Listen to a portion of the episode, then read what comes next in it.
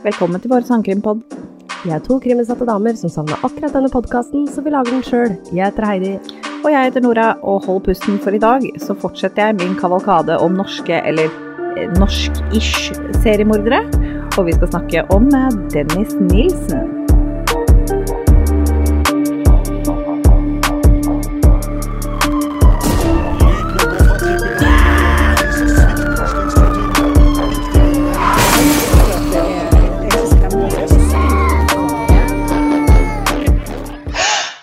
Heidi. Hei, Nora.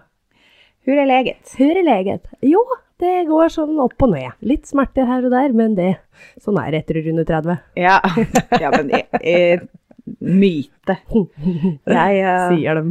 Ikke du, da. Nei, altså Nei. hvis du har vært i toppform eh, før 30, så skjønner jeg at du kan, eh, at du kan gå på en smell. Ja. Men for oss, da. Oss, jeg og, og de med meg, ikke du. Jeg, uh, som har vært litt sånn hva skal man si, litt robuste og litt lite strømlinjeforma hele livet, så er det akkurat det samme. Er det det samme? Ja, men what you kanskje- see is what you get. Ja, jo, jo, men jeg har aldri vært i toppform heller, så det er der det skurrer. Jeg har aldri vært glad i å være aktiv. Nei, ikke. Nei, ikke sant? Så hva skjedde? Det skjønner jeg ikke. Nei. Nei, og alt kom på en gang. Men det er sånn standard. Det sier de. Ja, Ja. jo da, de sier det. Jeg, bare, jeg er ikke enig, det er ikke min personlige erfaring. Men Nei. ok. Nei, nei, nei, nei det skjønner jeg. Er Du, åssen går det med eh, helsa og jobben, egentlig? Eh, jo da, eh, det går, men jeg går jo, men Ja. eh, Du, altså For våre nye lyttere, for Ja. dette her tar vi opp gjerne egentlig hver gang, hver gang. eh, som ikke har fått det med seg. Eh, du tryna jo på en elsparkesykkel, bare så for å rippe opp litt i det igjen. Når var det igjen? Det var i uh, midten av august. Midten av august, ja. Ja, ja. Så bare til dere som begynte å høre på nylig, så er det det vi snakker om. Ja, Eh, når vi er veldig interessert i beina til Heidi. Jeg er det. ja, og jeg gjør en narr, jeg, før jeg tryna på sparkesykkel, så gjorde jeg narr av alle. Jeg skjønte Ja, ja, ikke hvordan ja, ja, ja. i helvete går an å brekke noe av å tryne på det greiene der. Uh, det går fint an. Ja. Ja. Så har vi med oss en uh, gjest i dag. Ja, Ja, der. velkommen skal du være, Astrid. Ja da. Ja. Eh, jeg håper jo at hun sovner, da. Eh, vi er aleine hjemme her, eh, så det er, det er oss tre, bare. Ja. Da må, da må jeg være her. Ja. Ja. Litt sånn klarer vi alltid, Litt, så litt sånn lyder er jo Ja, det er bare så deilige koselig. lyder. Ja. Satser på at vi får banka ut et par episoder før eh, det blir krise her. ja. Helt enig. Ja. Um, kjør på. Kjør på. Ok. En liten advarsel først. Eh, saken her er ekkel. Vi er innom råtnende mennesker og litt sånn nekrofili og litt sånn. Så hvis ikke det er for deg, så har det kommet feil. Ja. Nummer 23 Cranley Gardens i London i 1983. En rørlegger avlegger et besøk i en bolig hvor flere av leietakerne har klaga på tette rør. Michael Catran, Catran åpner kummen på utsida av huset og ser med en gang problemet. Det ligger kjøtt og beinrester nede i kummen. Han varsler sjefen sin, for han syns det var litt suspekt. Det var ikke sånn som var vanlig for han å se. Um, og to av leietakerne som bor i huset, står der sammen. Michael sier eh, at han syns det ser menneskelig ut. Men han ene foreslår at det er kyllingrester fra takeout fra KFC. Det var det han syntes det så ut som. Og han som sier det, heter Dennis Nilsen. Mhm. Jeg eh, er litt sein til festen her, og jeg, eh, jeg trodde ikke Jeg visste at de skulle lage en serie om det her. Jeg trodde ikke den hadde kommet ut, men det har den. Det er liksom to år siden. Uh, Så det, er, eh, det ligger på den, Denne saken er sikkert kjent for mange. Eh, Det ligger en tredelt miniserie på Sumo med David Tennant i hovedrollen som Dennis Nilsen, og den serien het- heter Death. Jeg har sett en og en halv episode. Jeg har et, et lite barn, så jeg slokna etter halvannen episode. Men, men, men virker veldig, veldig bra. Ja. Det er også en dokumentar på TV 2, og det er en dokumentar på Netflix som jeg har kikka på. Det er, eh, det er mye stoff for de som har lyst til å dykke enda dypere inn i det her. Ja. Jeg, jeg, jeg spurte deg jo hva du syns om jeg skulle ta den, ja.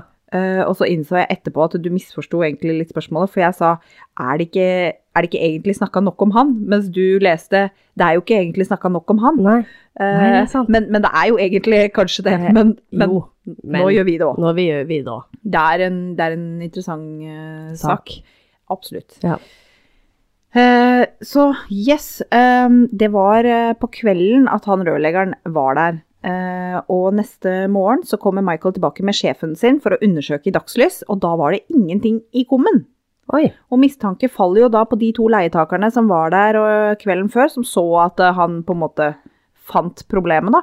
Mm. De sjekker eh, røra som fører til den eh, kummen, og finner eh, fler, mer sånn, hva skal man si, kjøttslintrer og bein.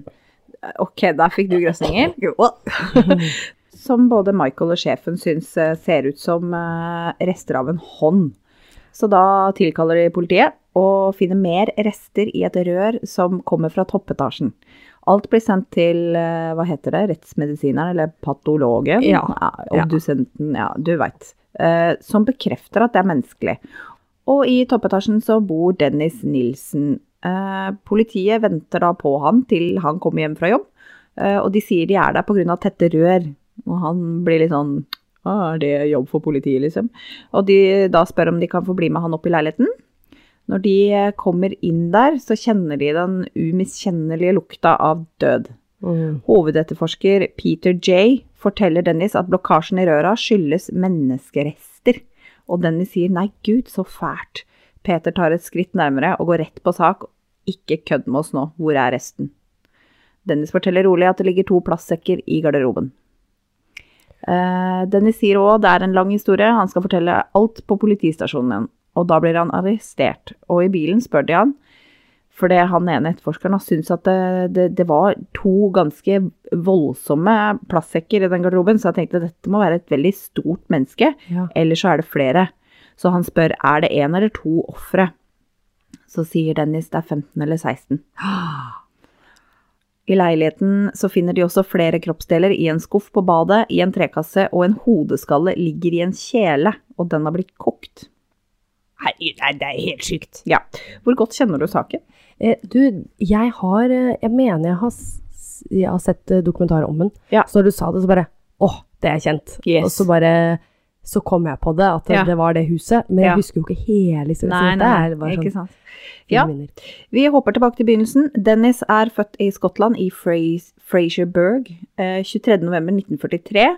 Moren er skotske Elizabeth White, og faren er norske Olav Magnus Moxheim, som av en eller annen grunn brukte etternavnet Nilsen. Ja. Kanskje litt mer internasjonalt, jeg vet ikke. Moxheim, ja ja. Faren eh, var en soldat. Han reiste til eh, Skottland i 1940 i forbindelse med krigen, eh, og det var noe sånn derre militærinnsats for å kjempe mot okkupasjonen av Norge. Og han var jo ikke så veldig investert i kona og familien. Nei. Um, de, de, gifta, de, de møttes og gifta seg i 1942, og han var jo kjempeopptatt med jobben og, og hadde ikke egentlig bare tid til dem. Så Elisabeth eh, satt med litt følelsen av at eh, hun hadde kasta seg litt fort inn i det ekteskapet. For de møttes og gifta seg i 42.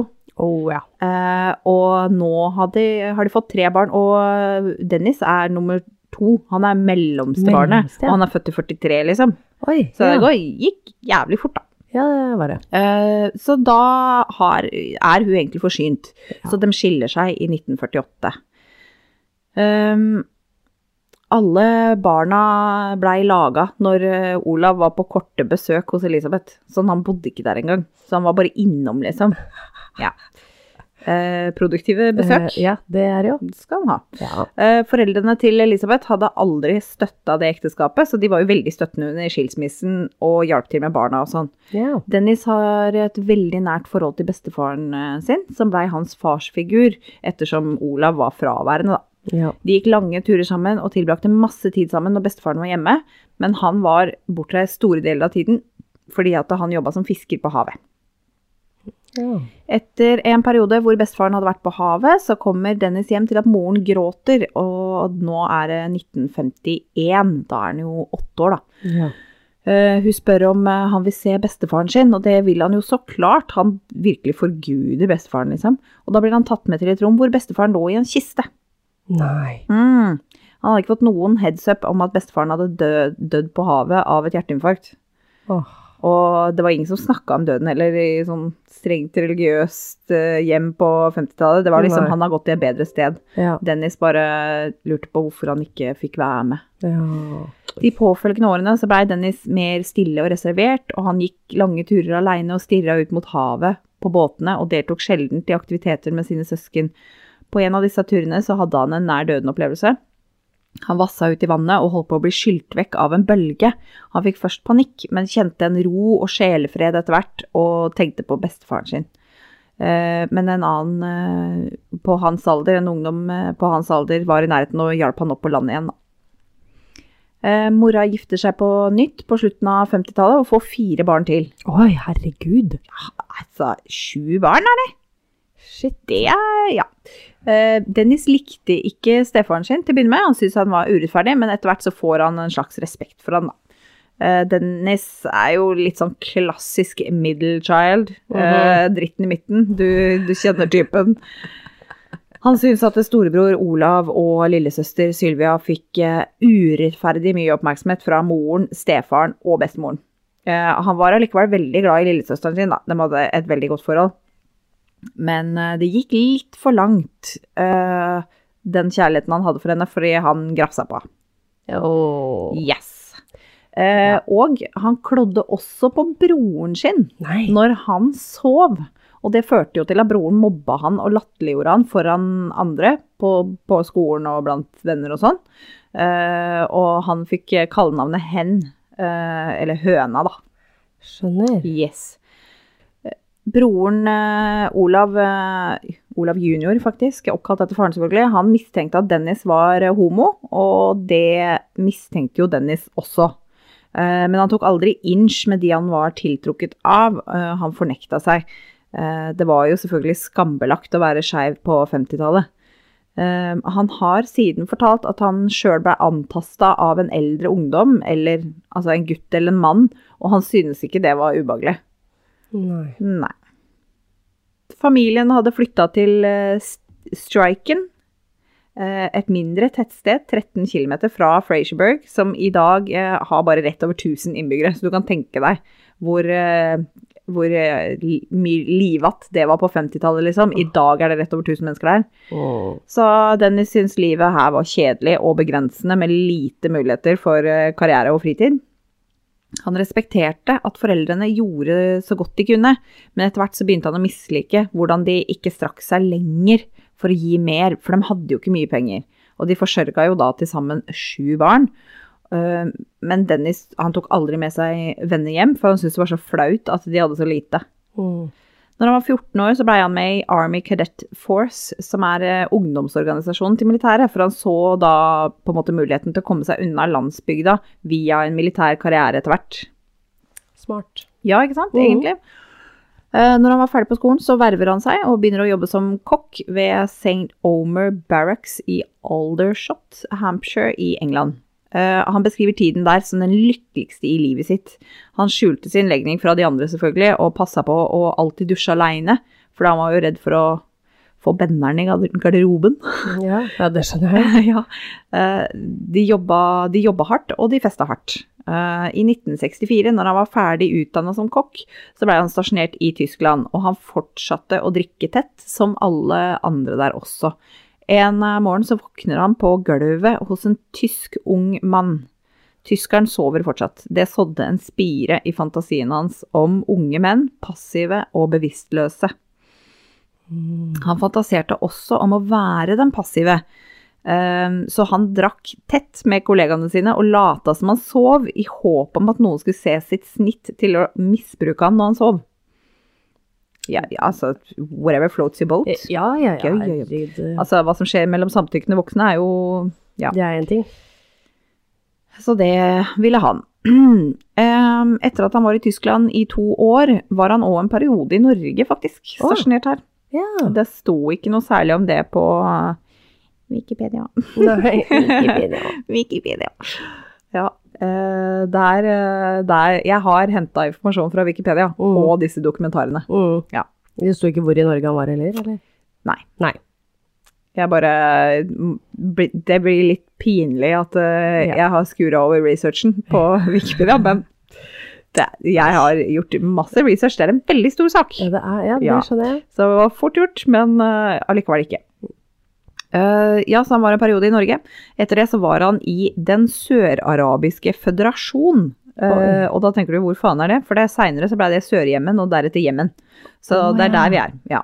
Når han eh, var der, så ble han kidnappa av en taxisjåfør, slått bevisstløs og plassert bak i bagasjerommet. Uh, og når uh, taxisjåføren på en måte lokka opp bagasjen igjen, så slo han taxisjåføren bevisstløs og låste han inne i bagasjerommet sjøl, da. Eh, og alt det blei jo litt egentlig bare bensin på bålet for fantasien hans. Ja. Eh, med liksom bevisstløshet og ja. Um, han hadde enerom på basen der, og det var vel første gang i livet hans. Oh, ja. uh, fordi at han kommer fra en stor familie, Ja, og har jo vært stasjonert litt sånn her og litt der, og på, da er det jo mye sånn grupperom eller ja, Ja. eh, hva, hva heter det, tomannsrom ja type jeg- greier. Firemannsrom og ja. Militæret, og så ser du for deg at de har egentlig svært telt, og så ligger de i brakker. holdt Jeg på å ser for meg førstegangstjenesten. Ja. ja. Køyeseng. Helt riktig. Yep. Det er det jeg mener. Yes. Yes. Uh, men uh, det her hadde han i hvert fall enerom. Ja. uh, for første gang. Så det er jo mye fritid som gikk med da på å runke og fantasere. Videre så ble han overført til en base i England og deretter Vest-Berlin, og der hadde han sitt første seksuelle møte med en kvinne, en prostituert. Han skrøyt til sine kollegaer, men beskriver det etterpå som overvurdert og deprimerende å ligge med en dame. Æsj. Takk for den, liksom. Ja ja, men han er vel skeiv, da. Ja. Jeg tenker at hvis jeg hadde ligget med en dame, så hadde jeg følt det like overvurdert. ja, det er ikke noe tvil om det. Herregud. Det... Det er liksom ikke den veien man uh, kicker. Nei, jeg tror eh, ganske sikkert at han der er homofil. Jeg tenker det. Ja. Ja. Ja. Det er jo ganske åpenlyst tegn. Men, men don't knock it till you try it. Nei, nei, så det skal han ha. Han det, prøvde. Ja, Ja. Det, det tror jeg alle det er det eneste han skal ha. gjort. Ja. Ja. I hvert fall. I 1972 så flytter han tilbake med familien sin i tre måneder mens han la en plan for hva han skulle gjøre videre med livet, fordi nå føler han at han er ferdig i militæret. Eh, moren masa på han om at han burde få seg kjæreste, selvfølgelig, mm. som eh, mødre gjør. Det vil jo ha barnebarn. Ja. En kveld så blei han med broren sin, dama til broren, og et annet par som femte hjul på vogna, og de skulle på kino. Og da så de en dokumentar om homofili. Ja. Eh, og det i 1972 Altså, det er ikke mer progressivt enn at de andre da snakker veldig negativt om eh, homofili, da. Mm. Og, og slenger dritt om det på en måte etterpå. Eh, uttrykker avsky. Eh, og Dennis da på en måte tar til motmæle og snakker om de skeives rettigheter. Og det utvikler seg til en krangel. Og det fører til at Olav jr. forteller moren deres at Dennis er homo. Og Dennis og broren de snakker ikke sammen igjen. Nei, ikke sant. Eh, han bodde jo bare, var jo bare hjemme på en liten kort eh, stopp i tre måneder, så etter at han flytta ut, så holdt han også bare sporadisk kontakt med moren, stefaren og de andre søsknene via brev. Sånn at det blei liksom ikke det samme igjen. Nei. Nei. I desember i 72 så flytter han til London og begynner å jobbe som politi. Han likte jobben veldig godt, men han savna kameratskapet som han hadde hatt i militæret. Det var liksom ikke det samme. Han drakk aleine på kvelden og begynte å vanke på homsepuber. Altså, er- det er 2022, jeg kan si homse. Ja, ja, ja. Eh, ikke Hva, hva, hva, hva kaller du en sånn pub som er Nei, det er homofil, altså. hom- Er det homse, homsepub, homsepub, liksom? ja. Hva kaller du disse i Oslo? Ja, homofile? Ja, nei, men jeg mener de pubene, de utestedene. Å ja, elsker og sånn. Eh, Ja.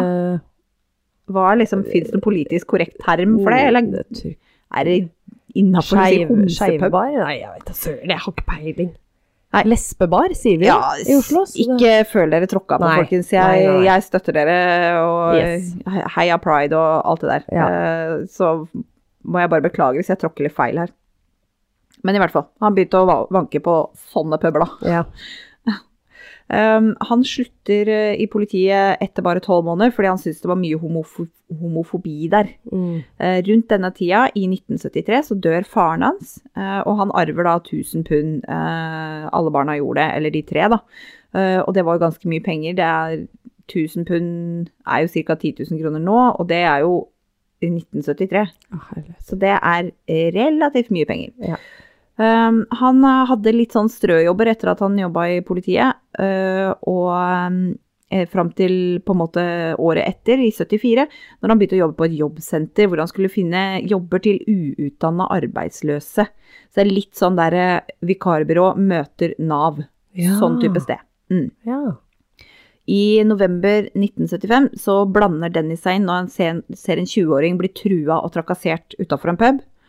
Eh, David Gallican Gallican? Gallihan? Gallichan? Yes, endelig begynner du. Fantastisk. David Ja, eh, David, var arbeidsløs, skeiv og bodde på et hostell. Eh, de tilbrakte kvelden sammen. De drakk og skravla og bestemte seg med en gang for å flytte sammen. ja. Um, Dennis brukte en del av arven og fikk da ordna en leieavtale for dem i en leilighet i første etasje på eh, Melrose Avenue nummer 195. Og han hadde da òg forhandla fram at de hadde enerett på hagen. Ja. Den hagen var jo ikke noe fin, da. Den var jo, det sto liksom Det var gamle dekk uti der og gamle Nei. hvitevarer og sånt noe. Men dem, eh, dem gjorde om på det. De dyrka den hagen og Oi. sådde litt grønnsaker og de rydda opp, liksom. Ja. Um, de var eh, tiltrukket av hverandre, men allikevel så dabba det fort av. Altså, de hadde et rimelig dødt sexliv. Innen et år av forholdet så sov de i hver sin seng, og begge hadde begynt å ta med andre hjem fra byen. ja. Ja. Veldig Så åpent forhold. De blei litt mer eh, Ja, bare. Ja. Ja. ja. Uh, roomies, liksom. Ja. Uh, David har sagt at Dennis aldri var voldelig mot han, eh, men han hadde et temperament som gikk utover han, men bare verbalt, da. Mm.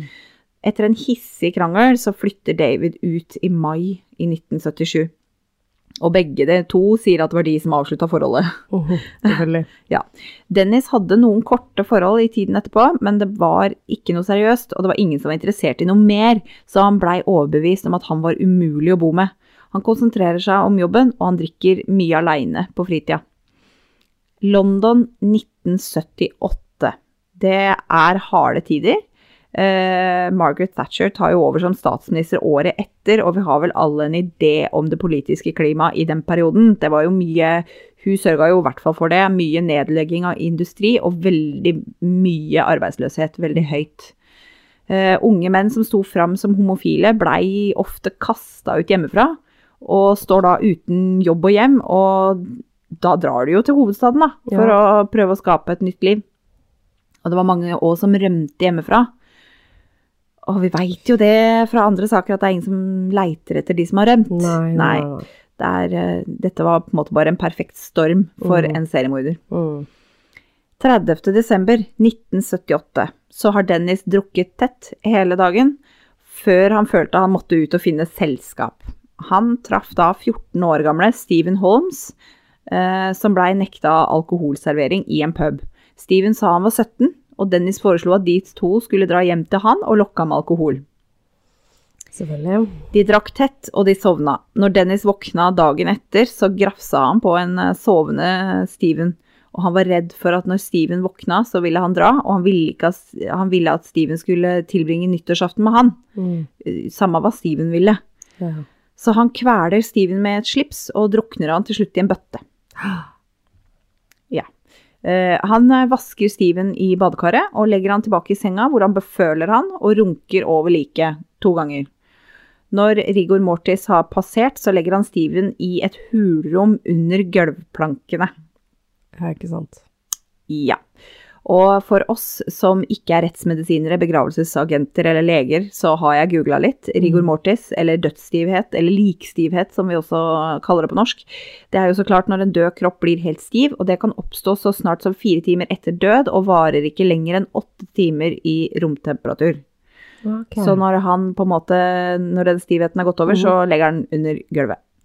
Stephen Holmes var uidentifisert helt fram til 2006. Så det tok altså 38 år før familien hans fikk svar. Shit. Ja. Brian Masters, som har skrevet en bok om Dennis, sier at han drepte for selskap. Det heter faktisk boka hans 'Killing for Company'. Han hadde samtaler med de han drepte etter de var døde, og han tilbrakte tid med de døde kroppene. Uh, ja. Ja. ja. Uh, Dennis skrev uh, sjøl også deler av boka, han har skrevet noen paragrafer. Blant annet så skrev han en paragraf om tiden etter drapet på Steven. For en uke etter at han hadde drept han, så ble han nysgjerrig. Han lurte på om kroppen hadde endra seg noe siden han la han under gulvet, og om forråtningen hadde begynt. Han åpna gulvet igjen og dro Steven opp, og da var han jo møkkete etter å ha ligget under der. Så Dennis kledde seg naken og bærte Steven til badet og vaska han. Han skrev at det var nesten ingen misfarge av huden. at han bare var bleik. Han observerte også at lemmene var litt slappere enn når han la han under gulvet først. Yes, jeg, jeg ga en advarsel eh, i begynnelsen av episoden. Jeg Ja. bare ser på trynet ditt at eh, det var på sin plass. Eh, Ja, det var veldig bra at du ga en advarsel Ja, der, ja. men du har ikke noe valg. Du må bare høre på. ja. Sånn er det. To måneder etter drapet på Steven så prøver Dennis å drepe Andrew Ho.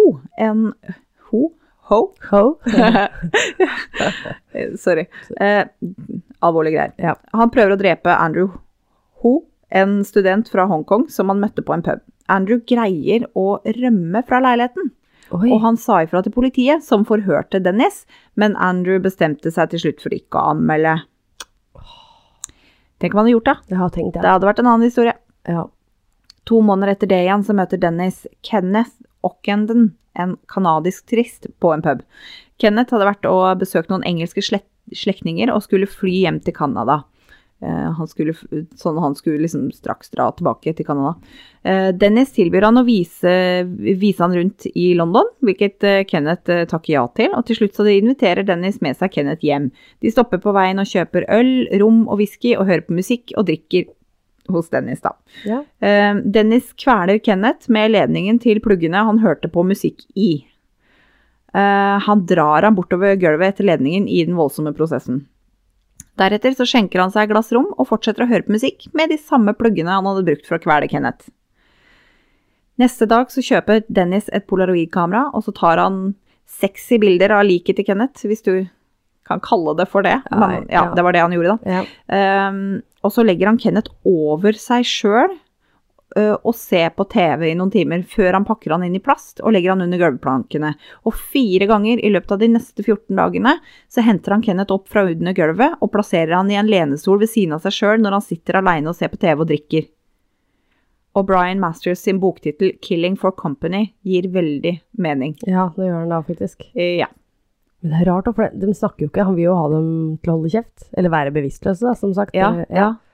Kjøp deg en dokke. Men, ja, men altså, han er jo ikke opptatt av å få svar. Nei, Han er jo den ultimate narsissist. Ja. Han vil jo bare snakke til deg, ikke med deg. nei, ikke sant? Rart, ass. Oh. Skaff deg dyr, da. Ja, Eller kjæledyr. snakk i speilet. Ja, Ja. Han skaffer seg kjæledyr. Jeg veit ikke når han gjør det, men, men han har en bikkje som heter Bleep. ok. Ja. Altså, Ikke det at jeg er for at jeg han er, han er en dust, liksom, men. Bleep, det er faen meg kult bikkjenavn, altså. Ja, det er dritkult. Ja, så lenge han ikke misbruker disse dyra, da. Nei, nei, nei, Nei. det gjør han ikke. Nei. Og han er veldig glad i bikkja si, Ja. sånn at når han seinere blir arrestert, for det blir han, spoiler, Ja, spoiler, Ja, Uh, så er han veldig opptatt av liksom hvordan går det med Bleep. ja. Ja. ok. Ja, det er bra.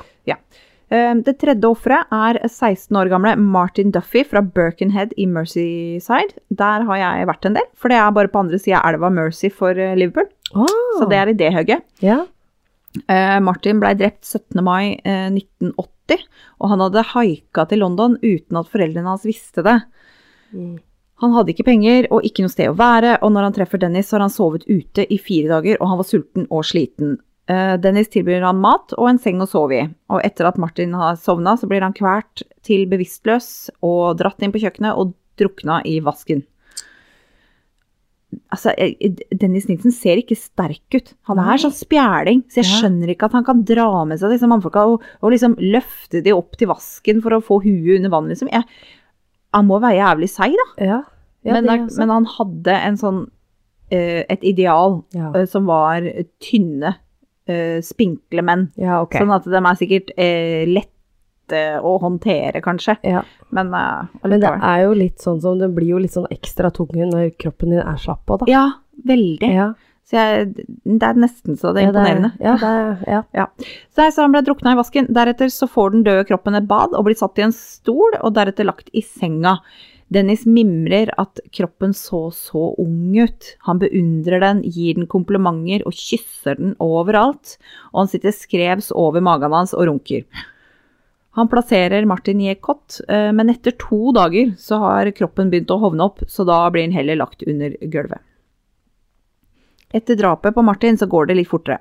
Innen slutten av 1980, altså de neste ett og et halvt åra ca., så har han drept fem til og prøvd å drepe en sjette. Dessverre så er bare én av de ofrene identifisert, og det er 26 år gamle William Sutherland. Han husker ikke veldig godt disse drapene, eh, og det er som, som jeg egentlig har nevnt her i podden før, for sånne mennesker som Dennis, som er så sjuke i pæra, så har jo ikke menneskeliv noe verdi når de er ferdig med det. Nei. Sånn at han, det er ikke minneverdig for han. Nei. Um, han husker at den ene uh, som han drepte, sykla med beina når han ble kvert. Uh, og en annen hadde Dennis prøvd å gjenopplive og brytte ut i gråt når ikke det gikk. Eh, etter det hadde rei han reist seg plutselig og spytta på sitt eget speilbilde i speilet. Helt eh, oppegående, han der, ass. En annen hadde han eh, ligget ved siden av se i senga og hørt på musikk med, før han hadde brast ut i gråt. Altså etter at vedkommende var død, da. Mm. Det blei jo selvfølgelig en grusom lukt til slutt. Likene under gulvet råtner gjennom sommermånedene. Å, gud. Og likene var Altså, dette Likene var infisert med larver og insekter, og Dennis så til og med at det kravla larver ut av øyehulen Nei, på den ene kroppen. Han plasserte godlukt under gulvet og spraya ned leiligheten to ganger daglig med insektmiddel, men det blei jo selvfølgelig ikke bra og velduftende av den grunn. Ja, så han skjønte jo at eh, han måtte kvitte seg med kroppene. Han uh, har fortalt at dette var noe han ikke satte pris på eller kicka på. Dette er ikke hans fetisj, liksom. Dette var rent praktisk. Han uh, måtte rydde. Og eh, for å få til det, så drakk han seg drita for i det hele tatt orke å gjøre noe med det. Mm. Han tok opp de råtne likene, delte de opp i passende biter og brant de i hagen. Det var totalt seks kropper, og han la et dekk på bålet for å forkle lukta.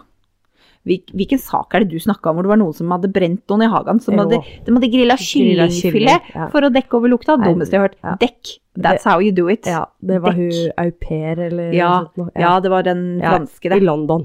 Ja, det, ja Det var i hun London, var ja. fransk, men det skjedde i London. Stemmer.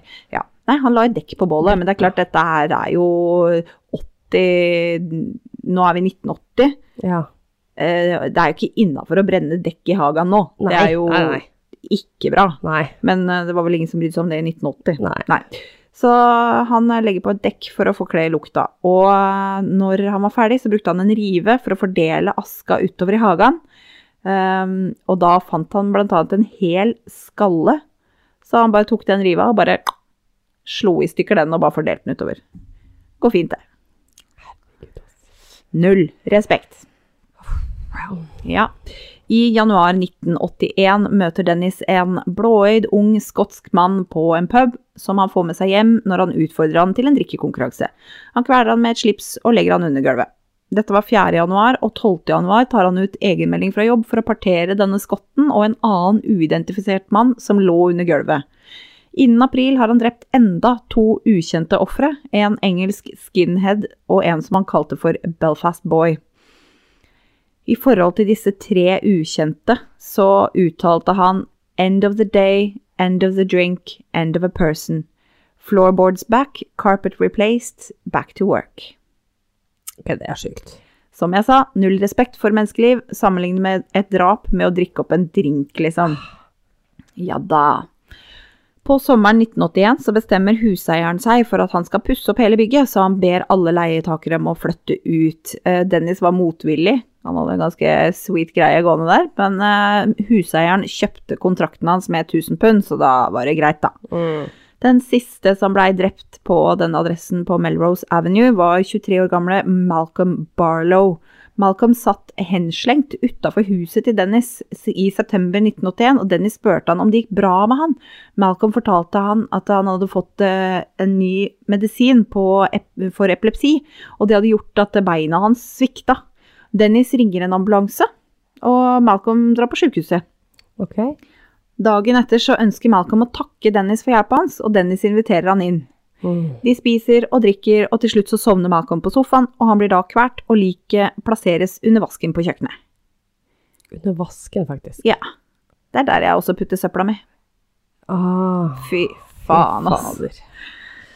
Ah, Ja. Dagen før Dennis måtte flytte fra leiligheten, så brenner han et nytt bål i hagen. Han brenner de siste fem ofrene sine og et dekk. Ja. Eh, Det er tredje bålet som han tenner i den hagen. Så Ja. totalt tre ganger så har han rydda opp, da. Eh, Før han flytter, så passer han på å rake og sjekke at ikke det var noen synlige beinrester. Så nå flytter jo han da til leiligheten i Cranley Gardens, hvor eh, vi begynte historien, litt sånn midt i. Eh, og der er det jo ikke noe hulrom under gulvplankene. Nei. Den første tida han bodde der, så prøvde han, uh, så, så prøvde han ikke på en måte å drepe noen han fikk med seg hjem, med ett unntak. Han prøvde å kvele en 19 år gammel student, Paul Nobbs, i november 81, men han fullførte ikke. Og det virker som egentlig at han stoppa seg sjøl av praktiske grunner. Mm. Men han kan jo ikke styre seg. Nei. Så i mars 1982 så møter han, møter han John Howlett på 23 år. Eh, vil du gjette hvor han møtte han? På en pub. Ja. Ja, alltid på en pub. Ja. Sånn er det når du er alkis. Yes. Han inviterer John med seg hjem, og de to drakk og så på film, før John sovna i senga til Dennis. En time etter han hadde sovna, så bestemmer Dennis seg for å drepe han, og han begynte å kvele han. Men John våkna igjen og prøvde å kvele Dennis, og da ble det en kamp. Eh, Men det endte med at John besvimte, og Dennis blei veldig stressa. Og det hjalp ikke at John begynte å puste igjen, og Dennis kvalte han tre ganger til i løpet av de neste ti minuttene, før han fylte badekaret og drukna han i stedet. Oi, shit. Han hadde merker etter hendene til John rundt halsen i en uke etterpå. Wow. Ja. Åh, tenk om han hadde fått det til. I mai 1982 møter Dennis 21 år gamle Carl Stotter i en pub. Selvfølgelig. Pub ja. Eh, De kom i prat, og Dennis finner ut at Carl er deprimert etter et eh, forhold som havarerte. Carl er også dessuten en sånn en som har blitt eh, kitta ut hjemmefra når han kom ut av skapet. Ah, ja. Ja. Så han har jo ikke helt bra. Dennis inviterer han med hjem og forsikrer han om at han ikke skal prøve seg, fordi Carl har jo kjærlighetssorg. Mm. Um, Og de fortsatte å drikke til Carl sovna oppå en sovepose.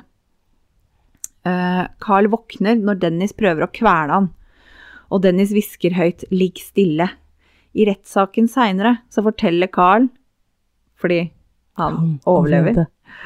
Forteller at han var groggy og full når han våkna. Han forsto ikke hva som skjedde. Han trodde først han hadde surra seg fast i soveposen, og at Dennis prøvde å hjelpe ham fri. Og det her er, altså det her er så sjukt, fordi før han sovna, så sa Dennis at uh, pass på så ikke du surrer deg inn i soveposen, eller en sånn derre yes, en sånn derre sleivete kommentar, for å liksom holde ryggen sin fri, i Mm. tilfelle han ikke fikk det til, ikke sant. Mm. Han er jo egentlig bare jævlig feig. Ja, ja, ja. Eh, Så ja, han trodde jo først det var det som hadde skjedd, eh, og han besvimer, og han huska vagt lyden av rennende vann, før han innså at han lå i badekaret og ble holdt under vannet. Eh, Han får så vidt heva hodet over vannet for å si 'ikke mer, vær så snill, stopp', før han blir trøkt under igjen. Og Dennis tror Carl er død, og plasserer han i en lenestol. Og da bikkja til Dennis, Bleep, eh, sleiker Carl i trynet, og Dennis innser at han så vidt er i live. Og da begynner han å massere armer og bein og hjerte for å øke blodsirkulasjonen, og får Carl på senga og pakker han inn i tepper. Og Carl våkner igjen, og Dennis forteller at han nesten hadde kvalt seg sjøl i glidelåsen på soveposen, og han hadde gjenoppliva han. De neste dagene så glir Carl inn og ut av bevissthet, og han mente å huske han var plassert i badekaret på et tidspunkt, og Dennis forklarer at eh, Carl uh, hadde vært i sjokk, så Dennis hadde putta han i badekaret for å få han til å våkne. Mm, Ja. Carl anmeldte hendelsen, eh, men han hadde jo ikke så mye informasjon. Han hadde ikke navnet til Dennis engang. Eh, han hadde bare kallenavnet Dess og området, området Muswell Hill i London som referansepunkter, så han blei jo ikke tatt seriøst. Oi. I oktober 1982 traff Dennis 27 år gamle Graham Allen når Graham prøvde å praie en taxi. Faktisk ikke på pub, Oi. sikkert utafor en pub. De kom i prat, og Dennis ba han med hjem på middag. Etter at Graham hadde spist opp omeletten, blei han kvalt. Han lå i badekaret i tre dager før Dennis parterte kroppen hans. 26.1.1983 så drepte Dennis sitt siste offer, 20 år gamle Stephen Sinclair. Det føles som en slags uh, symmetri her. Han både begynte og avslutta med en Steven, Ja. faktisk. ja. Eh, Som vanlig så var det mye alkohol involvert, og Steven ble kvært når han sovna. Han, eh, Dennis ga kroppen et bad og pudra han med, med talkum. Det er vel litt sånn som, som babypudder. Det er babypudder. Ja, og la han på senga. Eh, han, så at, han så når han ga Steven et bad at han hadde bandasje rundt begge håndledd, Og han hadde dype kutt der, så han hadde åpenbart prøvd å prøvd ta livet sitt. Ja. ja. Han fikk stilt opp speil rundt senga, så han kunne se på seg sjøl og Steven som lå der sammen. Flere timer seinere så snudde han hodet til Steven mot seg sjøl, kyssa ham på panna og sa god natt, Steven. Herregud. Sov godt, liksom. Så godt. Fy faen. I februar så skrev Dennis til huseieren at det var så dårlig stilt med de avløpa i leiligheten. Oh. Tenk det, han, han klagde sjøl ja på avløpet etter Ja. å ha skylt mennesker ned i do. Altså, fettskalle. Det er Ja. Dennis fortalte villig om drapene til politiet. Han var letta over å kunne snakke om det. Han fortalte hvor de kunne finne lik i leiligheten hans, og han fortalte om alle han hadde drept i den forrige leiligheten i Melrose Avenue, og om hvordan han hadde kvitta seg med lika der. Eh, det er litt sånn Jeg får litt sånn tanker tilbake på Edmund Kemper, som liksom bare ikke fikk nok av å snakke om det. Nei, Han var veldig snakkesalig. Ja. Ja. Det er gjenoppleve den Yes. følelsen av å gjenoppleve. Yes. Og så styre narrativet sjøl. Mm, Du, du skal ikke tro noe om meg, jeg skal fortelle deg. Ja. Han skal styre, liksom. Mm. Um, han visste ikke sjøl hva motivet hans var uh, når politiet spurte han om det. Han sa jeg hadde håpa dere kunne fortelle meg det. Ja. Um, han hadde et rituale. Han bada likene. Han sminka de og gjorde de perfekte i forhold til på en måte sitt eget ideal. Og han snakka med de, og han runka over de. Det. Det fins beviser for at han penetrerte lika, eh, men det har han alltid nekta for. Han sa sjøl at de var for perfekte og for vakre for det patetiske ritualet som vanlig sex er. Wow. Ja. Fy faen, altså. Eh, Det er òg en mistanke om kannibalisme. Eh, Han kokte jo hender og føtter og huer for å på en måte renske det, da. For å rett, lettere rydde opp. Ja. Um, men, og, eh, og han beholdt kroppsdeler som trofeer. Eh, men det er på en måte Det med kannibalisme er liksom ikke noe som egentlig er Nei, bevis, det er mistanke, og han har alltid nekta for det sjøl. ja. Dennis skrev at han hadde anger. Eh, han, um, han hadde lyst til å skrive sin egen sjølbiografi, selvfølgelig. Selvfølgelig. Det holdt ikke den boka som Brian eh, Masters eh, skrev. Nei. Så han eh, eh, skulle skrive en egen eh, bok i samarbeid med Peter Paul Hartnett. Han er vel en forfatter. Ja. Eh, så han hadde skrevet til eh, Peter da, at eh, han hadde anger, eh, ikke for eh, alle livet han tok, men for at eh, han hadde ikke tenkt på å ta vare på kroppsdelene på glass. Det burde han jo ha gjort. Neimen, Neimen, det vil han ha med i biografen sin, da. Eh, men han eh, Peter, han eh, prøvde jo på en måte å samarbeide med Dennis. Og, og fortelle han at eh, ja, kanskje ikke skriv sånn, kanskje redigere sånn. eh, men Dennis ville ikke redigere noen ting, Oh så han trakk seg. Ja. Han Peter. Han bare du, eh, nei takk. ja. Det skjønner jeg. Tre ganger blei Dennis forhørt av politiet før de fant de tette røra i leiligheten hans. Tre ganger blei han anmeldt. Tre ganger blei det henlagt fordi politiet trodde på Dennis. At det bare var kjærestekrangling. At de hadde drevet med noe sado-sex som bare hadde gått litt langt. Disse homsene, vet du. Ah. Det var jo så mye homofobi i politiet. Ja. Blei ikke tatt seriøst. Rettssaken starta 24.10.1983, og da var han sikta for seks mord og to mordforsøk. Og dette er jo fordi de ikke hadde identiteten til alle ofrene. Mm. Og du kan jo ikke sikte noen uten bevis, uansett hva han sier. Han sa seg uskyldig på alle oh. punkter. Enda så mye han har snakka om alt han har gjort. Ehm, og forsvaret hans uh, sa at han var utilregnelig, da. Men uh, det spilte ingen rolle. Nei. Han fikk livstidsforvaring og skulle sitte inne i minimum 25 år, var dommen. Å herregud, ikke mer. Nei, men det er livstidsforvaring, da. Bare at han Ja. kan ikke få Ja. Det blir ikke revurdert før det har gått 25 år. Nei, så det er nei, det ganske er bra likevel. Ja. Søsteren til Carl Stotter, han som blei prøvd drept og gjenoppliva, Ja. hun sa sier at Carl døde den dagen han forsto Dennis prøvde å drepe han. Han døyvet smertene med alkohol, og han døde Han blei alkoholiker, og han døde aleine i 2013 i en alder av 52 år. Han hadde det ikke bra. Nei, det skjønner Jeg så et intervju med han i en dokumentar jeg fant på YouTube òg. ja. Han uh, sleit mye Ja. etterpå. Det skjønner jeg. Det var kun åtte av ofrene som uh, Kun åtte av ofrene er kjent. Alle andre er uidentifisert. Uh, I 2018 så sprakk Dennis en blodåre i fengsel, og de siste timene hans var smertefulle. Yes. Døden hans eh, blei eh, skrevet opp som eh, av naturlige årsaker. Ja. Han var 72 år, og han blei begravd med kun fem gjester i begravelsen. Tre av de jobba i fengselet, og ingen av de var familien hans. Åh, så flott. Ja. 72, skal vi si 2018 eh, Jeg regna på det her, og så har jeg ikke skrevet det ned, men jeg mener han satt inne da totalt 34 år. Ja. Ja. Jo, jo. Ja. Det er bra, det. Ja, ja. Og så Ja, han dauer. ja altså kjip død og ja. Det, er, det er vel fortjent. død aleine og Ja. Herregud, det er sjukt. ja. Så der har du, her, der har du han Dennis. Der, er eh, Dennis. Norges uh, sønn uh, Å, ja. Det kunne liksom vært sønnen til hun der jævla Det kunne jo ikke det, altså sånn alder, men hun der seriemorderen, hun norske i Bell. Bell, ja. Hun som jeg tok forrige gang. Ja, hun Ja. skulle tro det var noe slektskap. Ja, skulle tro det, Ja, ja, ja. faktisk. Ja, skulle det. Men altså, hun føler jeg drepte av litt mer forståelige grunner. Det var jo penger. Ja, Ja. ja, faktisk. Eh, mens han her Ja. Hvorfor Altså, å nei. Det må nei. være det en seksuell han- nytelse for den, da. som- Ja, men det at han la dem under gulvplankene og tok dem opp Ja. igjen og bada de og liksom Ja, hang med de. han må jo Jeg tror kanskje han hadde noe sånn greie med liket, altså. Men Ja, og, det, og folk mener at det kan stamme fra bestefaren hans.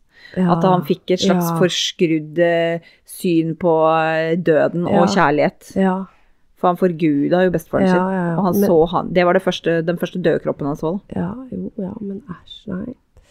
Nei, altså, jeg har sett ett dødt menneske i hele mitt liv, og det, mm, det Jeg ville egentlig ikke gjøre det. Nei. Men så Så um, Jeg ble ikke tvunget til det, det er feil å si, men jeg skulle være med brødrene mine, det var bestemoren min som døde Ja, da, vel ja. Eh, så lå jeg på sykehuset, og så spurte da den sykepleieren om vi hadde lyst til å se henne, så sier jeg nei. Men brødrene mine hadde lyst, da. Men jeg, Ja. kan, jeg kan sitte utafor rommet. Men Ja. i det så smalt han opp døra, og da så jeg jo, ikke sant. Og da Ja, tenkte jeg ikke faen, nå må jeg gå inn. Fordi jeg så ikke at det var hun engang. Hun så helt rar ut. Ja. Hvor gammel var du da? Du, det er ikke så mange år siden. Å, det er eh, Kan det være seks-syv år siden, da? Mm. Noe rundt der. Ja. Men når jeg gikk inn til deg da, så fikk jeg en helt annen følelse. Da var det sånn åh, jeg var glad for at jeg hadde Ja. sett det. Så bra. For jeg fikk en veldig lettelse over det. Jeg syntes Ja. du så så fredfull ut og veldig fin ut. Men, og det òg. Du så at du ikke var der lenger. Det Ja, var borte. ja. Så det, det Og det ga meg litt sjelefred, faktisk. Ja. Jeg har bare sett oldemora mi, og da var jeg jo barn. Ja, ikke sant. Eh, men, men så har jeg jo sett både bestefar, eller som er morfar, da. Eh, Jeg kalte den bestefar. Eh, og farmor på Ja. Eh, og det jo er ganske heavy. Ja, det er De- heavy. De, ser ikke ut som seg sjøl i det hele tatt. Og de ser jo uh, ser ut som de er døde, Ja, ja, egentlig. Ja. Jeg også var med bestemor de siste timene, og det Nei, det var ikke noe ålreit, altså. Nei, nei, nei. nei. da, jeg, jeg må le lite grann, da, fordi okay. det siste Bestemor fikk jo så mye smertestillende. Mm. Og så lå jeg på sykehuset der, og så hun, Altså, hun var jo dement i tillegg, ikke sant, så du kan tenke deg. Og så sitter jeg der, da, og så legen, og så skulle han drive og ta noen sånne hjertemonitorer på. Ja. Og da måtte de bevege en arm som hun hadde brekt, da. Og da, da. Ja, så hun bare. Hun sa det akkurat sånn, for hun, hun klarte litt Hun var jo så neddopa, ikke sant. ja, ja. ja. Og så ber jeg da til Gud om å straffe meg og legen fordi vi ville ha så vondt. Ja. Ja, ikke sant? Og alle tenker sånn etter herregud, tok du ikke det ille til deg? Og så bare, nei, vet du hva, jeg gjorde ikke det, fordi hun visste mest sannsynligvis ikke hvem jeg var da, Nei, i det øyeblikket der. nei. Jeg vet jo at hun forguda meg, så det var ikke noe, men det er sånn, jeg kan le litt av det nå. Jeg, jeg har litt lov til det, ja, synes jeg. ja. Så det var litt sånn, nei, men jeg, hun var ikke redd for å dø heller, så da var det veldig greit. Mm. Mm. Eh, noe av det siste farmor sa som var eh, sånn noenlunde begripelig. Mm. Eh, hun ropte fælt på mamma og sånn den Ja. siste tida. så Det Ja. var jo ikke Nei, hyggelig. det er litt sånn ekkelt. jeg, var- jeg var ikke der når hun sa det her, men hun, hun ba om å få en røyk og en sjokolade.